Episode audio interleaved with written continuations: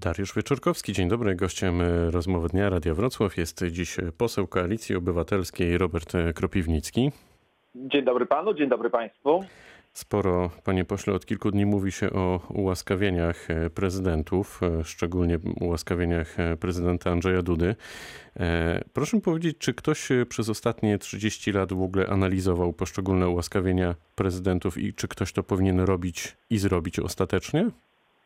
Czy to jest tylko taka wrzutka na czas kampanii?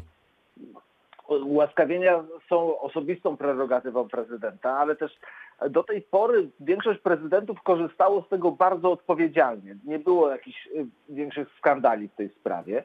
A Andrzej Duda no, rozpoczął kadencję właściwie od ułaskawienia Kamińskiego, Wąsika, Bejdy, czyli funkcjonariuszy CBA, którzy zostali skazani wtedy jeszcze nieprawomocnie, a on już ich ułaskawił po to, żeby oni mogli sprawować e, funkcje ministerialne, co moim zdaniem było dużym nadużyciem ze strony Andrzeja Dudy. No i na koniec kadencji to ułaskawienie pedofila to jest naprawdę absurdalne. Generalnie uważam, że ułaskawienia powinny być tłumaczone opinii publicznej, że powinny być publiczne uzasadnienia do tych decyzji. No właśnie o to pytam. Bo, Dlaczego tak się nie dzieje w ogóle? No, Przez dlatego, całe lata. W Konstytucji jest to napisane, że jest to prerogatywa prezydenta. I teraz od dobrej woli prezydenta zależy, czy on to tłumaczy opinii publicznej, czy nie. I mam nadzieję, że pod naciskiem społeczeństwa jednak prezydenci będą to tłumaczyć, dlaczego podejmują takie, a nie inne decyzje bo to jest naprawdę taka no, mocna, czy najmocniejsza ingerencja w wymiar sprawiedliwości ze strony prezydenta, bo przełamuje prawomocny wyrok. To jeszcze inaczej zapytam, a czy w takim razie Pana zdaniem powinny być wyłączone jakieś obszary, gdy myślimy i mówimy o ułaskawieniach? Konstytucja wyłącza właściwie tylko jeden obszar.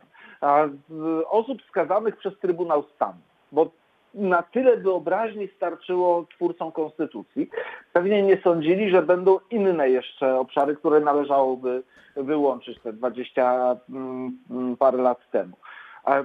Wydaje się, że to jest kwestia osobistej odpowiedzialności prezydenta. I każdy prezydent powinien we własnym sumieniu ważyć, czy ułaskawienie pedofila jest zasadne, czy nie.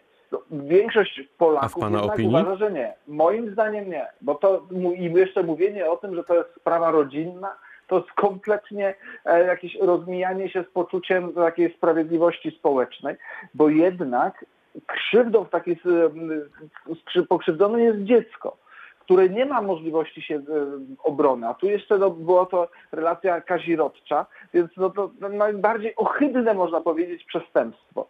I ingerowanie w coś takiego przez Andrzeja Dudę i jeszcze próba obrony tego. A dla pana ta sprawa jest dla pana ta sprawa jest y, taka zero-jedynkowa, taka prosta?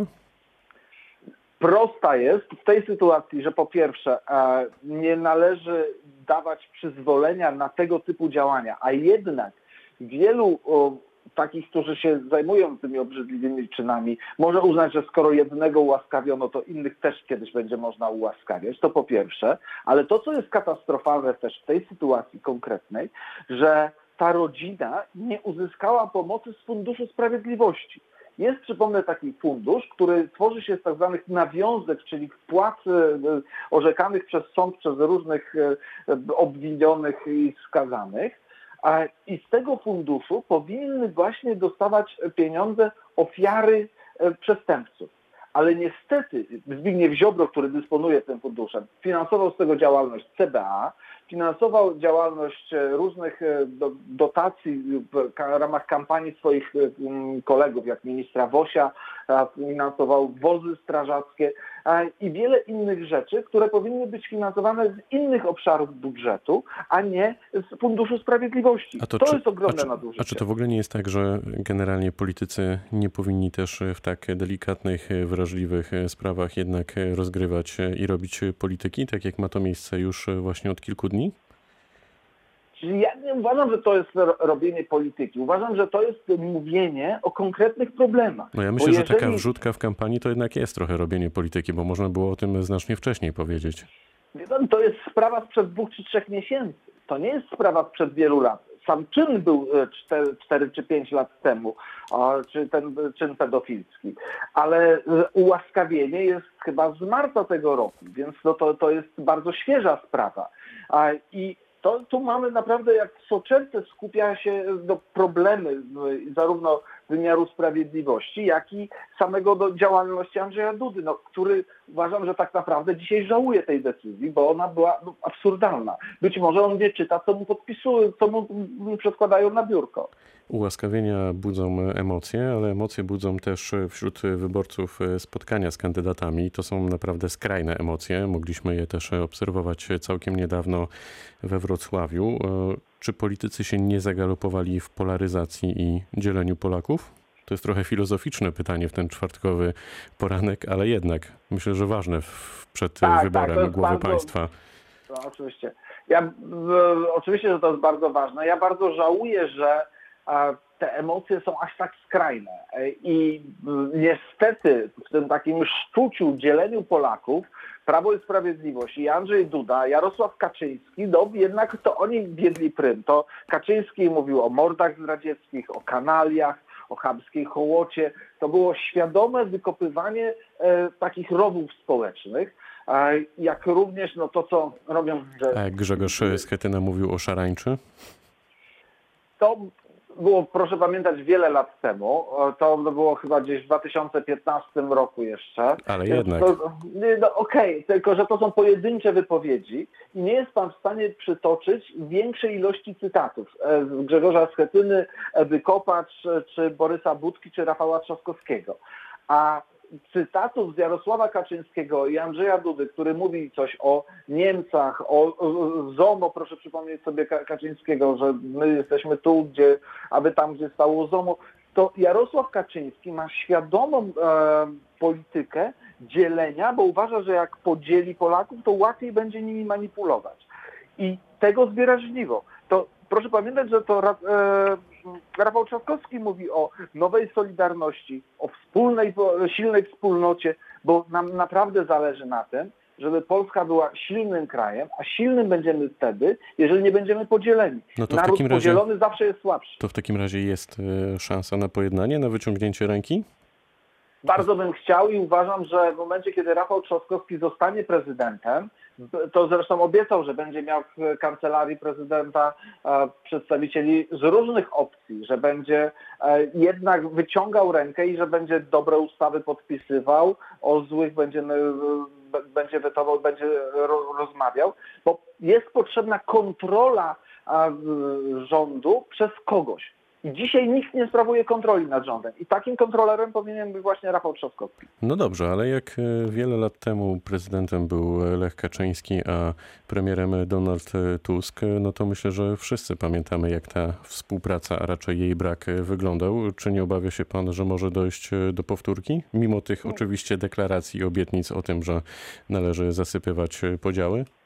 Nie, uważam, wie pan, że, że, że to jednak e, tamtej prezydentury wyciągnęliśmy silne, mocne lekcje i wiemy, jak to się skończyło. No, 2010 i katastrofa w Smoleńskiem to jednak była ogromna lekcja dla wszystkich i uważam, że nie można się zapędzić. Ale po latach, chyba, lekcję... po latach chyba niewiele z niej zostało boleję nad tym, że to jakoś tak e, umknęło, ale to też dlatego, że Kaczyński, Jarosław Kaczyński bardzo próbował robić na tym politykę, a później jak już zdobył władzę, to się okazało, że te wszystkie jego zarzuty się w pył rozprysły i nie ma ani wraku, ani tych wszystkich rzeczy, które on zarzucał. Ale wracając do sedna, uważam, że potrzebne jest porozumienie, ale i kontrola rządu.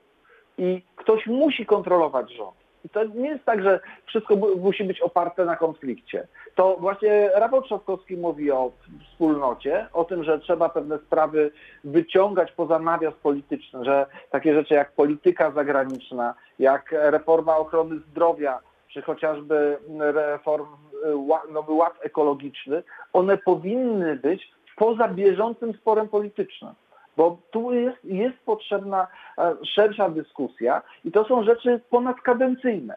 Dobrze, Takie to... rzeczy jak odejście od e, węgla i przechodzenie właśnie na energię odnawialną, one wymagają do działań ponadkadencyjnych, ale No to wymagają zróbmy- szerszego porozumienia. To zróbmy, sprawdzam, panie pośle. Czy jest pan w stanie na chwilę wyjść e, ze swojej partii politycznej i spojrzeć na obu kandydatów z jakiegoś dystansu i wskazać atuty i minusy obu kandydatów? Przede wszystkim uważam, że Rafał Trzaskowski jest e, no, człowiekiem takim e, jednak koncyliacyjnym, o dużej wiedzy i też niezależności. To jest, e, on ma osobistą dużą niezależność, ma dużą wiedzę, świetne relacje też międzynarodowe, wiele lat pracował w polityce e, zagranicznej, więc to go też e, buduje na arenie międzynarodowej i jest gwarantem dobrych relacji z, Niemcami, z Brukselą i też takiego zdroworozsądkowego podejścia. I uważam, że to jest jego na- największe atuty tak naprawdę. I jeżeli chodzi o atuty Andrzeja Dudy, no to, to jest jedy, jedynym atutem, który mi przychodzi do głowy, to jest jego spolegliwość z Jarosławem Kaczyńskim. Czyli to jest jedyny plus, który potrafi pan wymienić.